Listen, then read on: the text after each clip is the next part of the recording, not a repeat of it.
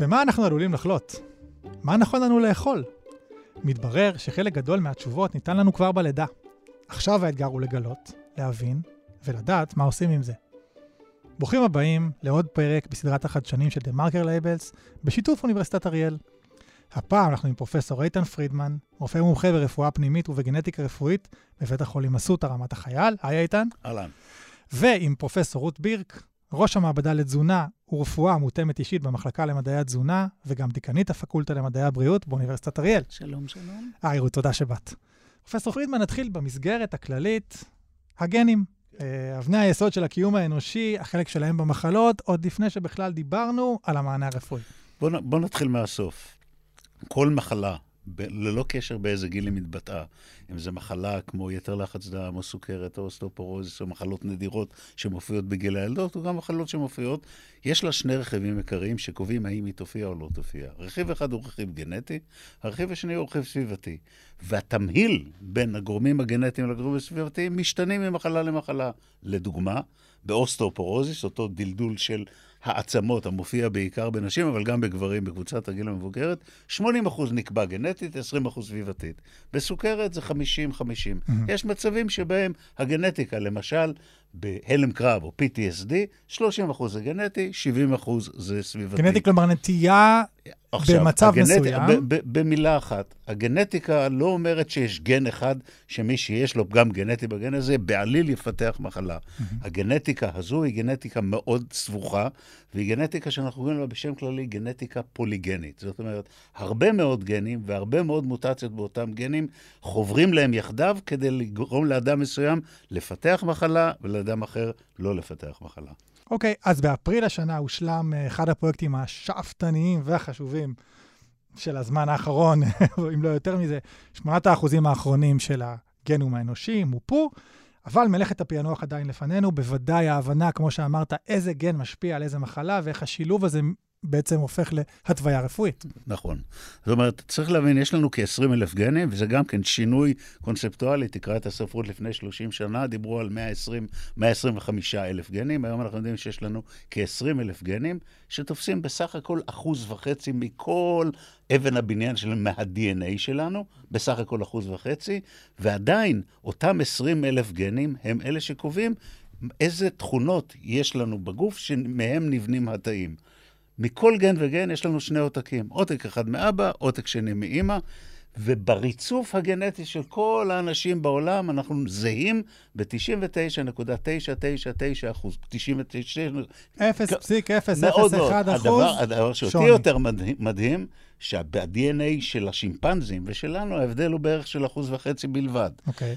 אך- וזאת הנקודה השנייה שצריך להבין. מתוך 20 אלף הגנים, אנחנו יודעים לייחס מחלה, בעליל מחלה, בערך ל-7,000 או 8,000 גנים. זאת אומרת, יש לנו 12 או 13 אלף גנים שאנחנו יודעים מי הם, אנחנו יודעים את המיקום שלהם, אנחנו יודעים מה הרצף שלהם, אבל אין לנו שמץ של מושג ירוק, מה הפגמים הגנטיים בגנים האלה יכולים לעשות לנו עכשיו או בעתיד. אוקיי, אז את כל הידע המסקרן הזה, מרתק ומסקרן, אנחנו לא חוקרים כמובן סתם כך.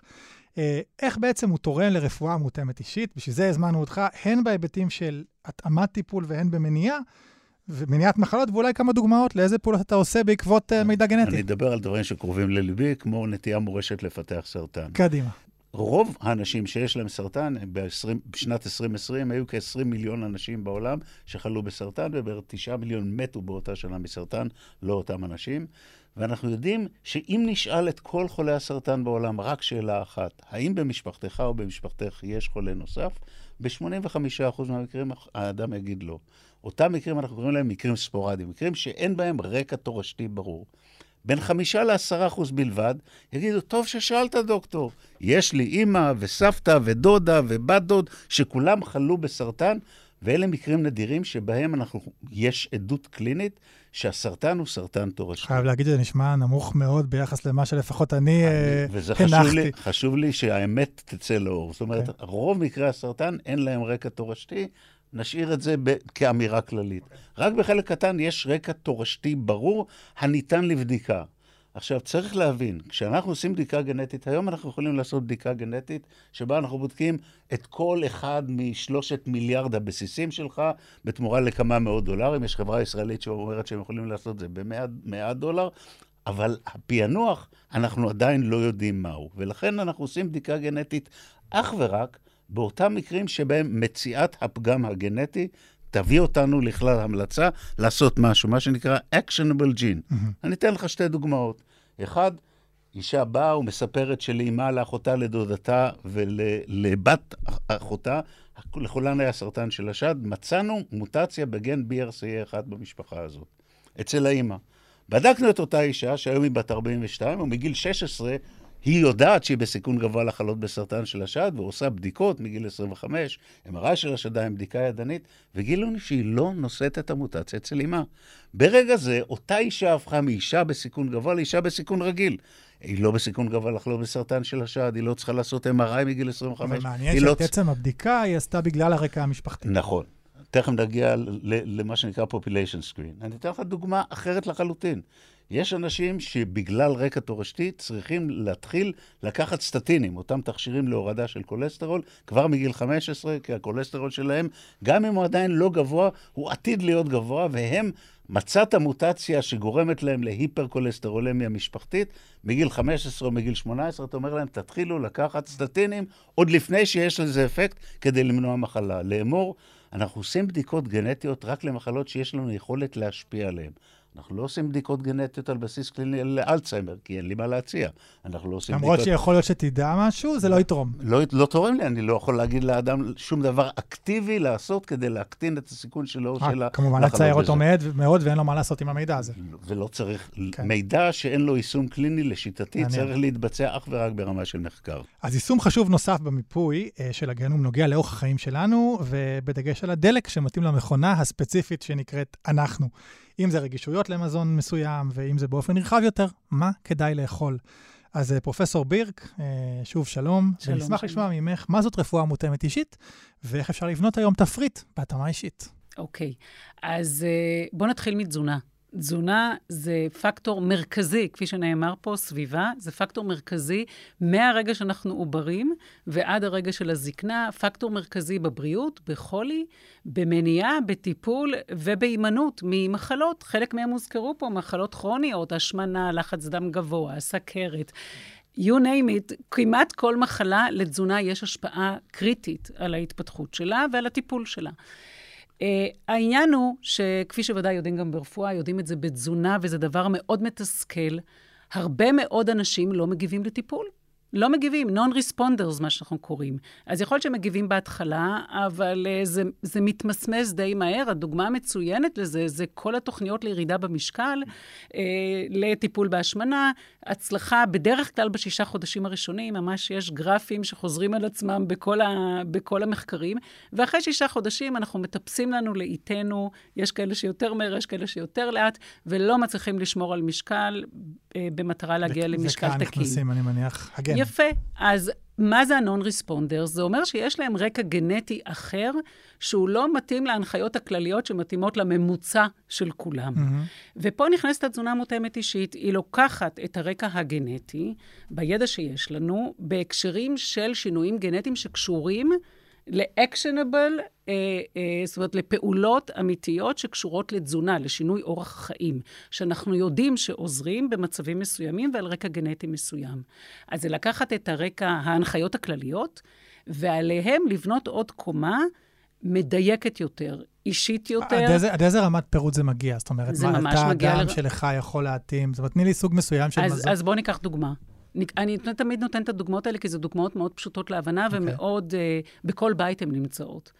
Uh, אי סבילות ללקטוז. אי סבילות ללקטוז אומר שבגיל מבוגר, הרבה מאוד אנשים מצ... לא מצליחים לעכל חלב. וזה לא משהו שהוא מצ... בדרך כלל מלידה, נכון? למרות שהוא מתפתח לאו מאוחר, אבל... לאו דווקא זה קצת יותר מסובך. אוקיי. Okay. אוקיי? דווקא רובנו, גם אם אנחנו היינו בלידה מסוגלים לעכל חלב, בבגרות אנחנו כן, כנראה לא נוכל. כן, אבל הפוטנציאל, הנטייה להפוך לאחד שהוא לקטוז אינטולרנסי בעצם... הוא גבוה. כן, היא בעצם קיימת אה, אה, מלידה, ואז פשוט היא מתפרצת בגיל מסוים? נכון, זה אוקיי. יותר דומה למתג של אור של און ועוף. מהמם. מה שקורה בגיל מסוים, בגלל שינוי גנטי, ה- המתג נלחץ על עוף במקום שינוי על און. גנטי. שינו- זה לא משהו תלוי- שהפתרון הזה עוד לא היה לי מלידה. לא יכולתי לדעת שאני... אתה כן יכולת לדעת, אתה יכולת לדעת ולנבא. שמתג. העוף אה, אוקיי. יפעל בשלב מסוים. מישהו. יבוא ויכבה את האור אוקיי. בשלב מסוים. כן. לכן אנחנו יכולים להקל, רובנו יחסית מצוין חלב בגיל צעיר, בלי תופעות לוואי אה, Mhm. גסטרואינטסטלליות, אה, כלומר, נפיחויות של שולים, אה, כאבי בטן וכולי, על רקע של אה, שתיית חלב. עכשיו, אה, למה לא להתאים את התזונה בהתאם לכך? אם אני יודעת שאדם מבוגר, יש לו את השינוי הזה, שעושה לו עוף לאנזים שמפרק את הלקטוז, אני יכולה להשתמש בידע הזה, א', כהבחנה מגבדלת, כי אתה יודע, יש הרבה אנשים שיש להם כאבי בטן, אנחנו יכולים לשלול לו או, או להגיד שזאת הסיבה. כן. שתיים, להתאים תזונה שמחליפה את החומרים הביואקטיביים שאנחנו מקבלים בחלב ממקורות אחרים, למשל סידן, מסרדינים, מסוגים שונים של אוכל. ושלוש, אנחנו יכולים בעצם להשתמש בזה כאמצעי לא רק לתזונה מותאמת אישית לאותו בן אדם, אלא גם לבריאות ציבור. כי אנחנו חוסכים פה הרבה מאוד כסף למערכת של אנשים שכואבת להם הבטן, או שלא מקבלים מספיק סידן בתזונה. מהמם. דרך אגב, במאמר שעשינו באוכלוסייה הישראלית, מעבודת מחקר שלי, מצאנו שכתלות במוצא, אבל בין 80 ל-90 אחוז מהאנשים הבוגרים בישראל הם לקטוז אינטולרנס, הם. באי סבילות ללקטוז, אפילו אם הם לא יודעים את זה. ובעקבות המחקר הזה ומחקרים אחרים, סוף סוף תעשיית החלב בישראל, אחרי שהרבה מאוד שנים לא היה לנו חלב דל לקטוז, נטול לקטוז, התחילה לייצר אותו בשביל להגיד האוכלוסייה הישראלית. ששיבולת שועל זה אחלה, מ- מניסיון. אה, אה, אז אז אם אמרנו ברפואה שהמידע עדיין ככה בחיתוליו, אנחנו לומדים אותו תוך כדי תנועה, אני מבין שבנושאים האלה, למשל בנטייה לשמונה, אנחנו יודעים עוד פחות. אה, זאת אומרת, זה תחום שמתפתח ככה ongoing, ומצד שני הוא מאוד אה, מאוד מהיר ליישום, יחסית. נכון. אה, זה תחום שמתפתח, זה נכון בהחלט, אנחנו תוך כדי ריצה מיישמים אותו. יחד עם זאת, אנחנו יודעים לא מעט. אנחנו יודעים די הרבה. אז אם ניקח למשל השמנה, שזה מה שנקרא מחלה מורכבת עם סביבה וגנטיקה, דרך אגב, גם כמו סכרת ולחץ דם, אנחנו לא מתייחסים לזה כרקע גנטי אחד, כולם מגיעים מאותו רקע, שינויים גנטיים שמובילים להשמנה, לחץ דם וזה, כן. אלא יש תת-קבוצות. וכל תת-קבוצה כזאת, יש לה רקע גנטי אחר. אז בואו ניקח דוגמה. אה, יש אחת התת-קבוצות של שינוי, זה נקרא מונוגניק נון-סידרומטיק אוביסיטי. כן? זאת אומרת, זה אומר שזה שינוי בגן אחד בלבד, לא הרבה גנים. אבל זה לא סינדרומטי, חוץ מהשמנה אין כלום. Mm. זאת אומרת, וזה מתפרץ בגיל הבנתי. מאוד מאוד צעיר אצל ילדים. ההערכה היום ש-1 עד 6 אחוז מהילדים שהם בהשמנה קיצונית, מעל 40. נולד, כן, נולדים על, ה, על השינוי הזה בגן הזה בלבד, על שינוי שקורה בגן הזה בלבד. דרך אגב, כבר יש תרופות לזה. אוקיי? אז אז אנחנו באמת אז, הולכים... אז למה לא לעשות את זה? זהו, אז אנחנו אומרת, הולכים, אני רוצה לשאול קדימה, אנחנו הולכים בעצם לכיוון של, של המלצה, למשל, לדעת כבר מגיל אפס, שיש לי כאן בן אדם, לא משנה מה הוא יעשה, מה הוא יאכל, הוא תמיד יהיה נגיד רזה, לעומת בן אדם שיצטרך כנראה להקפיד יותר. הכיוון הולך לשם? כלומר, לתת המלצה על אורח חיים... אה, בוודאי, הכיוון הולך חד משמעית לשם, כי ה-DNA שלנו, הרצף הגנטי, לא משתנה מהיותנו תא אחד של זיווג של אה, ביצית וזרע. כן. הספר לא משתנה. לכן אנחנו יכולים לדעת בגיל מאוד מאוד מאוד ראשוני אה, שלנו מה הספר אומר. אה, דרך אגב, יש שינויים אחרים שהם כבר מתלבשים אחר כך, אבל השינויים על הרצף, אנחנו יודעים אותם מרגע כלומר, ה- כלומר לבוא ההיווצרות. ולקבל חוות דעת בלי קשר לאיזושהי בעיה שהתפתחה, נכון, אלא לקבל נכון, המלצת להגיד, אה, תשמעו, חיים. ראו- אגיד ראו- לך, אני אגיד לך מה, מה החלום שלי, שאני חושב שהוא עתיד להתגשם עד 2025, אולי 2030, בטח לפני שיהיה מטרו ב, ב, אצלנו, ב- די בטוח. מטרו יהיה אחרי שהגיהנום יקפא. כשפרויקט הגנום התחיל ב-1989, ניבאו שהוא יסתיים בשנת 2015, ו, והוא עלה בסופו של דבר 3 מיליארד דולר לעשות גנום אחד. היום אני אומר לך, יש, יש חברות שעושות את זה תמורת 100 דולר, אולי 500 דולר, ואני חושב שהעתיד הלא רחוק, מאותה טיפת דם שלוקחים מהעקב של תינוק על גת ריספוט, לראות אם יש לו או אין לו פניל קטונורס, שזה משהו ש... על ידי מניעה של חשיפה לחומצה אמינית פנילנלין, אנחנו מגיעים פגיעה בתזונה, מוחית, בתזונה, בתזונה. מונעים פגיעה כן. מוחית, מאותה, מה-DNA שקיים שם, לכל יל, ההור, להורים של אותו ילד תהיה האופציה לרצף את כל שלושת מיליארד הבסיסים, שזה יהיה שלהם. ואתה חושב שדבר כזה יהיה מסל הבריאות? אין לי ספק שזה צריך להיות בסל הבריאות, כי זה יחסוך הרבה מאוד כסף. אני זה מסכימה בהחלט. יחסוך הרבה מאוד כסף. אני אני- אתן לך שתי דוגמאות. אחת, הילד הזה ירצה, ירצה, יצטרך ללכת לצבא, hopefully לא, אבל אתה יודע, כבר דיברנו הרבה, כן צבא, לא צבא. ברור לגמרי שיש רקע תורשתי לשברי מאמץ, אין ספק בכלל. כדי לדעת, לא למנוע ממנו להתגייס ליחידה קרבית, אלא להתאים את סרגל האימונים. אני אתן לך דוגמה טריוויאלית. נוכל להגיד לו, אתה תצטרף לסרגל האימונים הזה או לסרגל האימונים הזה. ירצה הילד להתחתן ולה, ושיהיו לו ילדים, לא יצטרך לעשות בדיקות גנטיות, יתאים את הרקע הגנטי שיש לו לזוגתו העתידית, וידעו האם צריך לעשות דיקור מי שפיר בכל הריון והריון. וכ- וכך נוכל גם לזהות. היום אנחנו ממליצים על גישה אחת לכל האוכלוסייה לפי הממוצע. קולונוסקופיה בגיל 50 כל עשר שנים, ממוגרפיה לאישה כל שנתיים מגיל 50.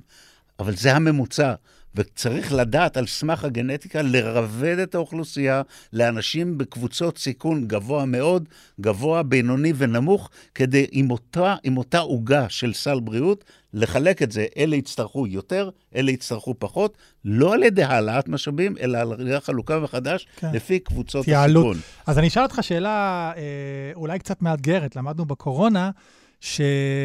שלא מספיק אה, ידע, data, חיסונים, תרופות, צריך גם אה, מערכת שבסוף תדע מה לעשות עם זה. אה, מה שאתה מתאר כאן זה נשמע מדהים, אבל עד כמה אה, קופות החולים, למשל, מערכת הבריאות בארץ, בעולם, ערוכה בכלל ל- ל- לזמן עכשיו אחוז מסוים מהאוכלוסייה שיש לו נטייה כזאת או אחרת? זה נשמע כמו מהפכה די גדולה. אני חושב שהמערכת... לעבוד עם big data. אני חושב שהמערכת היום הרבה יותר מוכנה אחרי הקורונה מאשר לפניה, והצורך נגזר מהקורונה, אבל הצורך הזה קיים. ואני אתן לך דוגמה מאוד קונקרטית. מינואר 2020, כל אישה יהודייה אשכנזייה, לא בגלל אפליה דתית אלא, או עד-דתית, כן. אלא בגלל שזו המציאות, הסיכוי של כל אישה יהודייה אשכנזייה שתהיה לה מוטציה שמעלה את הסיכון שלה עד פי 7 לפתח סרטן של השד ועד פי 25 לסרטן של השחלה, יכולה וזכאית לעשות בדיקה גנטית ללא כל צורך לעשות ייעוץ גנטי מקדים, שזה באמת, המדינה הראשונה בעולם שעושה את זה, זו מדינת ישראל. אגב, באנגליה עושים את זה עכשיו גם לגברים וגם לנשים. אז בעצם קופות החולים יצטרכו לשלוח לנשים קופות החולים, באדם מסוימת. לאחר עבודה מאוד קפדנית ולחץ פיזי לא מתון, כולל שלי, התחילו לגלות את זה לנשים ונשים עכשיו. כלומר, אנחנו מצפים שבטווח של העשר שנים נגלה עוד 20 אלף נשים בישראל ועד 250 אלף נשים בעולם. שהן בסיכון מאוד גבוה, שצריכות מגיל 25 מהמם. לעשות משהו. וקופות החולים מבינות את זה, עכשיו הן משנעות משאבים לבנות מרפאות לגילוי מוקדם, והדבר הזה ילך ויתפוס יתפוס תאוצה, ואם הם לא יעשו את זה, אני אלך לשרוף להם את המשרד. רשמנו. אה, פרופסור בירג, שאלה שאנחנו מעלים כאן כמעט בכל תחום, זה איפה אנחנו ביחס לעולם.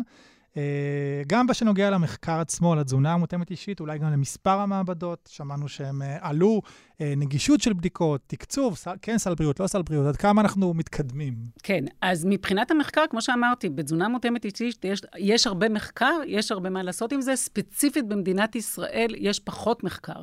יש מעט מאוד אנשים שיודעים בצורה מקצועית, מדעית, את כל שרשרת ה- העיסוק בתזונה מותאמת אישית. זאת אומרת, לדעת את הגנטיקה, לדעת uh, להעריך את הסיכון, לדעת להבין אם כן אפשר לעשות עם זה משהו, אם לא אפשר לעשות עם זה משהו וכולי. יש מעט מאוד מעבדות ומעט מאוד אנשים שמבינים בזה. Uh, הנגישות היא נגישות כרגע פרטית. יש ביטוחים משלימים שיכולים לתת חלק מה, מהשיפוי של השירות הזה. אני מאוד מקווה, מאוד מקווה, כפי שנאמר פה, שארגוני הבריאות, משרד הבריאות, ארגוני בריאות גדולים במדינת ישראל. יבינו, יבינו שיש המון כבר מה לעשות. זאת אומרת, אבל-. לא צריך לחכות שנדע את כל התורה, זה ייקח עוד הרבה שנים. לא, אבל השאלה אם יש מדינות, נגיד, בעולם ש, ש, שכבר שם, או שיותר שם. מדינות פחות בתזונה מותאמת אישית עדיין לא אימצו את זה כמדיניות ציבורית. Mm. לצערי, אני חושבת שזה טעות, ואני חושבת שאנחנו די מוליכים פה, אבל בקטנה. וג- וגם ברפואה, אני מניח אותו... כן. אותו הדבר. כן, כן. תודה. ה- ה- להזיז מערכות גדולות זה לוקח זמן. צריך לציין שתי מדינות קטנות. אחת זו אה, אסטוניה, ששם בערך 30% מהאזרחים, כל ה-DNA שלהם, כל שלושת מיליארד הבסיסים מרוצפים על חשבון המדינה, ואיסלנד, ששם איסלנד, כל נכון. 330... כל שלוש- האזרחים. כל כל האזרחים, ולא רק שכל האזרחים, גם כל ה... מה שנקרא Electronic Health Record, כל התיק הרפואי שלהם, הכל אגוד ביחד, והם יכולים לעשות מחקר ענק. אבל זה מדובר על 330 אלף אנשים שמוצאם הוא בסך הכל כן. לפני אלף שנים בערך מ-14 משפחות, אתה יודע, זה קצת פחות בעייתי. אבל צאצאי המודל הזה. המודל הזה הוא מודל שחייבים, אנחנו חייבים ליישם אותו, כי גם המרקם הגנטי של 63 המוצאים האתניים השונים המרכיבים את האנשים שיושבים בישראל, יהודים ולא יהודים, אנחנו במצב שבו אנחנו יכולים לנהל את זה נכון, ואת המשאבים המוגבלים של משרד הבריאות ושל מערכת הבריאות אפשר לרבד בצורה יותר מותאמת גם לתזונה, גם למניעה של מחלות, לא רק סרטן. אוקיי, אז פרופסור בירק, לפרקטיקות אה, מבוססות גנים בתזונה, ברפואה, יש, נשים את זה על השולחן, פוטנציאל רווח אה, דרמטי. מצד שני, אמרנו שהמחקר הזה הוא בחיתוליו. אז אני תוהה איפה, איפה עובר הגבול בין מה שחייבים לפרסם, חייבים נניח לשתף ברבים, לבין מה שאפשר לרשום עליו פטנט ולעשות עליו קופה. אז אה, בואו נתחיל שאי אפשר לרשום פטנט על גנים. זה משהו שאקרוס כל העולם, אי אפשר לרשום על זה פטנטים, אז זה נוריד את זה, מה... נוריד את זה אני מהדיון. חושב שבעבר היה אפשר, איזשהו כן, תקדים היה משפטי. את עד זה, 2013 נכון, אפשר היה תקדים לעשות. משפטי כן. בארצות ו- הברית. ובסופו של דבר אי אפשר לרשום על זה פטנט. אוקיי. אה, לכן חשוב מאוד שאנשים שמבינים בזה, וחוקרים את זה, ומבינים את כל השרשרת, נתונים ל- לסקירת עמיתים, לא יכולים לפרסם סתם כל דבר, אלא כן. זה מבוסס על ספרות אמיתית, מדעית, עם, ברור. אה, כמו שאמרתי, עם, עם סקירה מדעית של עמיתים בכל העולם. רק הדברים שהם מקצועיים, על ידי אנשי מקצוע, שעברו את כל האינסטנציות והביקורות, רק בהם ניתן להשתמש. אז, אז זה שיתוף ו- ידע, ומה מצד שיתוף- שני מותר כן אה, לקחת עליו פטנט ו... ו... אי אפשר לקחת על זה לא, פטנט לא, על לא, ידי... לא, על, אפשר... על, על ריצוף הגן, ואתה לא יכול לעשות פטנט, אבל על יישום. אם אתה יוצר קיט שאומר, אני, בשביל מי שישתמש זה black box, אני נותן לך קיט, אתה יורק בפנים, בסוף יוצא לך מספר שאומר, אתה לא יכול לאכול זה, זה כן אתה יכול לעשות עליו פטנט. בתנאי שאתה עושה איזה אינטגרל, בתנאי שאתה אה, עושה- ש- כן, שאתה אינטגרל בונה איזשהו לא אלגוריתם. בתנאי שאתה בונה, אה, זה, בונה את זה נכון. נכון. יחד עם זאת, צריך להבין, כפי שנאמר פה, אמנם הריצוף עצמו הוא יחסית, או נהיה יותר ויותר זול, יחד עם זאת, כל תהליך האינטרפטציה וכל תהליך, ה, אה, אה, נקרא לזה אנליזה, עד שאתה מגיע למסקנה, אם אתה רוצה לעשות את זה מקצועית וכראוי, זה עולה די הרבה כסף. כן. זאת אומרת, צריך להבין שזה עולה, לא זול, אבל גם נצרכת פה שרשרת מאוד ארוכה של אנשי מקצוע בשביל לתת עצה ויישום שהוא אה, אמין, אמין ומקצועי. וכאן צריך עוד להגיד אה, משפט אחד. כדי שמידע גנטי יהיה נכון, אתה צריך, לא מספיק שהוא יתפרסם באנגליה על המוצא האתני האנגלי, הוא צריך לעבור ולידציה, אשרור, גם בישראל, ובנוסף, למידע, ככל שמספר הנבדקים הוא יותר גדול, וככל שהמנעד הפנוטיפי, סוגי המחלות הוא יותר גדול, כך היעילות של התבחין שלך הרבה יותר גדולה, והיכולת היישומית היא הרבה יותר טובה. יכול להיות שחיסונים, תרופות שאנחנו בכלל לא מתייחסים, משפיעות אחרת, משפיעות, אנחנו יודעים למשל שטיפול אונקולוגי, מן הסתם שהזכרת, אה, אה, משפיע אחרת על, על אנשים עם מטען בוא שונה. אני אתן לך מספר שידהים אותך וגם את מי ששומע אותנו. אוקיי. 25% בלבד מהמשלבים הכימותרפיים שהם פרוטוקולים, נוסו על עשרות אלפי אנשים, 25% בלבד הם יעילים. 75% או שלא עובדים, או שקשורים בתופעות לוואי שפוטנציאלית מסכנים את חייהם של האנשים האלה. 75%. יש ליין שלם של מחקר רפואי שנקרא פרמקוגנומיקה, שמתבסס על זה שאתה יכול לעשות ריצוף גנטי של כמה וכמה גנים, כמאה גנים שונים, שינבא מה הסיכוי לתופעות לוואי, מה הסיכוי לאינטראקציה בין תרופות, מה הקצב שבו אתה צריך לתת את התרופות, זה זווית אחת. ספציפית באונקולוגיה, הרפואה המותאמת אישית לא רק מסתמכת על המרקם הגנטי של האדם, אלא ישנה אפשרות לעשות אנליזה גנ... גנומית של הגידול עצמו, ששונה מהרקמה הנורמלית. ב-100% מהגידולים יש שינויים גנטיים, והיום אנחנו משתמשים בזה ביום-יום. כדי להתאים תרופות חדשות, למצוא תרופות חדשות, להתאים תרופות לגידול מסוים שאנחנו יודעים מה זהו, כי הפרופיל אנחנו יודעים הבריאותי שהרבה שלהם. פעמים יש אה, פרוטוקול טיפולי מסוים שלא עובד, אבל נדע את זה רק כעבור כמה חודשים, בינתיים בזבזנו זמן יקר נכון. זה מה שנקרא non-responder. זה בדיוק אנחנו. חוזרים לתחילת אנחנו השיחה. רוצים, רוצים להקטין את אנחנו המספר משלמים על זה. מחיר מאוד, מאוד נכון. גדול. גם כלכלי, גם בריאותי, גם אישי, מכל הבחינות. כן. אז, אז אני רוצה לשאול uh, פה את uh, איתן, במידע, במידע רגיש, בתחום כל כך רגיש של מידע גנטי, אי אפשר להימנע מעיסוק, אני מניח, בשאלות אתיות. זאת אומרת, איפה אנחנו עוצרים? אנחנו הרי לא רוצים לנצל, נגיד, לא יודע, מעיניים כחולות ועד נטייה מינית. עד כמה זה עולה בפורומים שאתה נמצא בימים בכלל, ומי הגורם שאמור לשים כאן את הברקס? תראה, בוא נבדיל בין אה, יישום קליני ליישום מחקרי. כשאני מדבר על יישום קליני, אז אדם בא, מקבל ייעוץ גנטי, עושים לו בדיקה גנטית עם השם שלו, והמידע הזה הוא שלו ושלו בלבד. לא לחברת הביטוח, לא לממשלה, לא למעסיק שלו, אסור לשים על זה יד. אבל יכול להיות שיש צריך רגולציה שאומרת, אני לא מוסר לך את הפרטים אסור, אסור, של, של אסור, נטייתך אסור. המינית. משנת, עזוב, לא, נדבר, כל נדבר, דבר אחר. נדבר, נדבר שנייה. תכף, תכף ילד נדבר. גבוה. משנת 2002, החוק של חבר הכנסת דאז, מאיר שטרית, אוסר על העברת אינפורמציה לחברות ביטוח, למעסיק או לרגולטור, לממשלה, כדי למנוע מה שנקרא Genetic Discrimination. אוסר. זה 150 אלף שקל קנס או שלוש שנות מאסר, או שניהם גם יחד. אחת המדינות הראשונות שחקקה את החוק הזה. זה אחד. ומי ש... אתה יודע, כתוב גם בחוק שאסור לשדוד בנקים, אנשים עדיין מנסים לשדוד בנקים. מנסים, לפעמים נתפסים. ואי אפשר למנוע מהאנשים האלה לעשות את זה. היום היכולת להעביר מידע גנטית בצורה מאובטחת, בצורה שהיא רק from end to end, בצורה שהיא מאפשרת שימור המידע רק אצל אותו אדם, היכולות האלה השתפרו מאוד מאוד.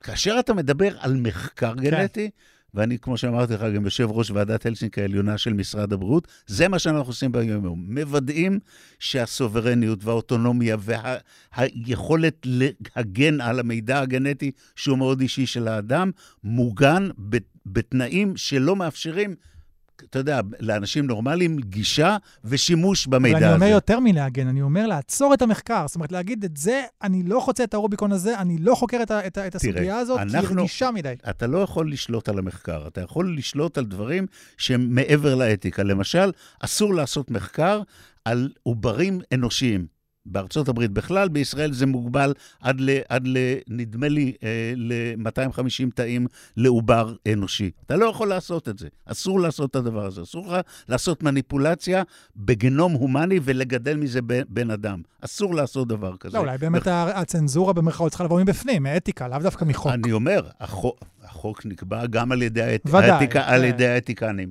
ודיברת על נטייה, על נטייה מינית. יש לי מש... כמה משפטים להגיד על הדבר הזה. כמו, כמו כל דבר אחר, כמו גובה משקל, אה, אה, נתוני נפש, אגרסיביות, פסיביות, גם נטייה מינית הוא דבר שיש לו תרומה גנטית. אין ספק בכלל. מה הם הגנים אנחנו עדיין לא יודעים. אני, אני חרד מהיום שבו מישהו יעשה מזה קרדום לחפור בו וינסה להשתמש בזה כדי לעשות דיסקרימינציה, כדי לעשות בידול. אסור בעיסר חמור. זה חלק מהמנעד הנורמלי, גם בבני אדם וגם בבעלי חיים, ולכן זו לא מחלה. וכל הסיפור של טיפולי המרה אינם אלא עורבא פרח, וצריך להפסיק עם זה. וגם אם תמצא את הגן שמנבא מי, מי הגבר, מה הנטייה המינית של גברים, מה הנטייה המינית של נשים, אם יש להם בכלל נטייה מינית או רצון ליחסי מין, הדבר הזה הוא חסר משמעות ביישום הקליני. זה טוב למחקר, זה טוב לפרסם, אבל אין לזה שום לא, יישום אני חיפשתי, קליני. אני חיפשתי באמת מגבלת מגבלה, נגיד, אני, אני לא יודע, איך נזהה את הנטייה שלי להביא ילדים ג'ינג'ים, או להביא, אה, אה, אה, לא יודע, אה, בלונדינים. זאת אומרת, יש פה שאלות ש, ש, שמעניין אם אפשר לעצור. תראה, אתיקה זה עניין של גיאוגרפיה, ו, ובמדינת. ישראל, ובמדינת ישראל יש מספיק כרגע גבולות, גדרות, כן, אוקיי. אה, ועדות. אה. כמו שנאמר פה, תמיד מישהו יכול אה, בשוגג או בכוונה לעשות עם זה משהו, אבל נעשים, באמת נעשים אמצעים מאוד מחמירים בשביל לנסות לשמור על אני זה. רוצה לשאול אותך שאלה ממש מכיוון אחר, הזדמנות שאת פה. אה, לימודי, אה, לימודי אה, תזונה במסגרת אקדמית, מה, מה בעצם לומדים במסגרת כזאת, ואולי גם איך הדיסציפלינה הזאת משתנה לאורך השנים? הנה, נכנס עכשיו הגנטיקה, זאת אומרת, עד נכון. כמה זה באמת בא לידי ביטוי ממש ב, ב, ב, אפילו בסילבוס. כן, אז uh, תזונה, כפי שהתחלתי ואמרתי, תזונה זה מרכיב מאוד מרכזי של החיים שלנו, והוא משפיע כמעט על כל, כל דבר. כל דבר, החל מגדילה, כלה בזקנה, במחלות וכולי. אז הבסיס של לימודי תזונה הוא בסיס קליני, לטיפול באנשים במצבים של בריאות וחולי, גם במעגל החיים וגם במחלות.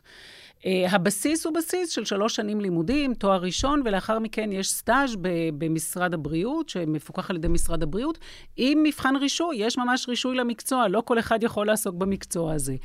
Uh, ניתנים הבס... הבסיסים, כמו שאמרתי, בתור הראשון, מה למשל? לטיפול בבני אדם, סכרת, השמנה. Uh, דברים כמו אנטומיה. בוודאי, כן. אנטומיה, פיזיולוגיה, uh, כימיה, פרמקולוגיה. Uh, טיפול דיאטטי, תזונתי, כלומר בכל מיני מחלות, בבריאות, בגדילה וכולי. כל הכלים שמאפשרים להוציא אדם קליני אה, לשטח. לצערי הרב, אין מספיק תקנים במדינת ישראל, כי מבחינתי, כמעט בכל מקום צריכה להיות תזונאית. בבתי חולים, בבתי אבות, בגני ילדים, במערכת החינוך וכולי. אה, דרך אגב, אנחנו... בוא נתחיל במורים במערכת החינוך. נכון, אז אנחנו באריאל, אה, אז פתחנו תוכנית מיוחדת הראשונה במדינת ישראל, בדרך אגב, ביחד עם משרד החינוך, של הכשרת אה, מסלול הוראה עם רקע של, של תזונאית, שעושה גם מסלול הוראה, ומסוגלת להכניס תזונה נכונה מהיסודות של... של, אתה יודע, בגן, של התחלת כן. הגן, בדיוק. זה שם זה... המשחק, זה שם המשחק. נכון, חינוך, חינוך, נכון. חינוך. אני חושב שיש שיפור, זאת אומרת, אנחנו רואים אה, אפילו המזון בצהרונים. אה, נכון. יש איזשהו שיפור, יש מודעות, יש תזונאיות ברשויות המקומיות, בפיקוח. זה נכנס, זה נכנס, לא מספיק. לאט לאט מדי? עכשיו, בדיוק, לאט מדי. עכשיו, תראו, זה הבסיס.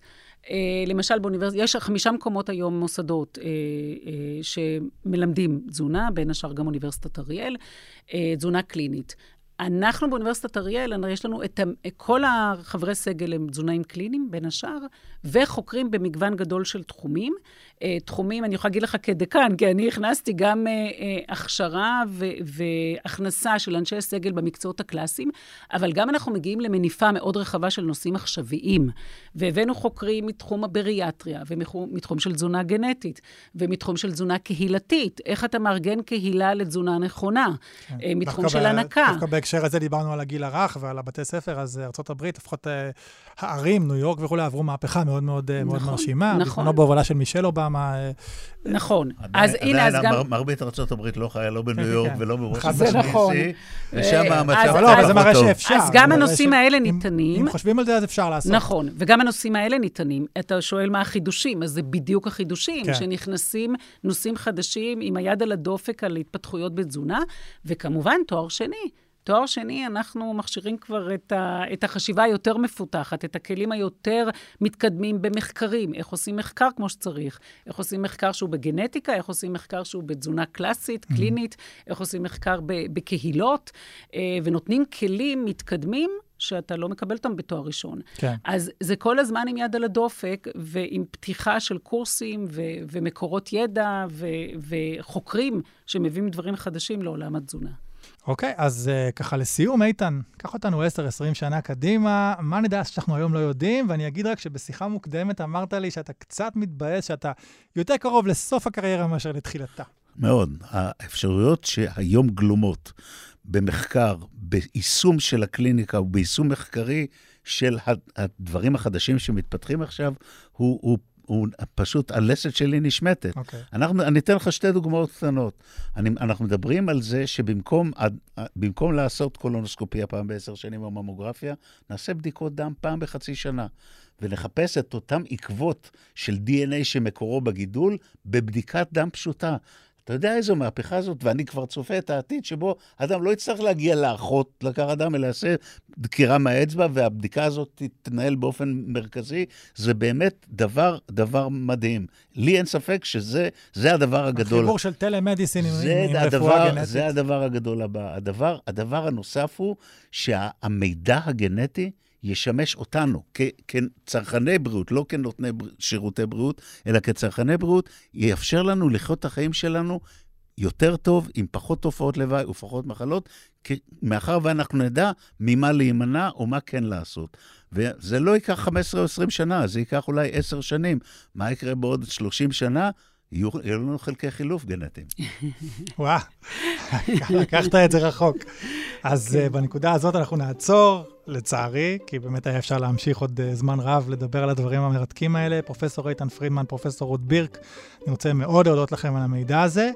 ונשמח לפגוש אתכם בעוד פרקים בסדרה. אנחנו בעונה הזאת, כבר עונה שלוש של החדשנים, אנחנו ממריאים לחלל, סורקים את המוח ונוחתים ישר בחממות הקנאביס הרפואי.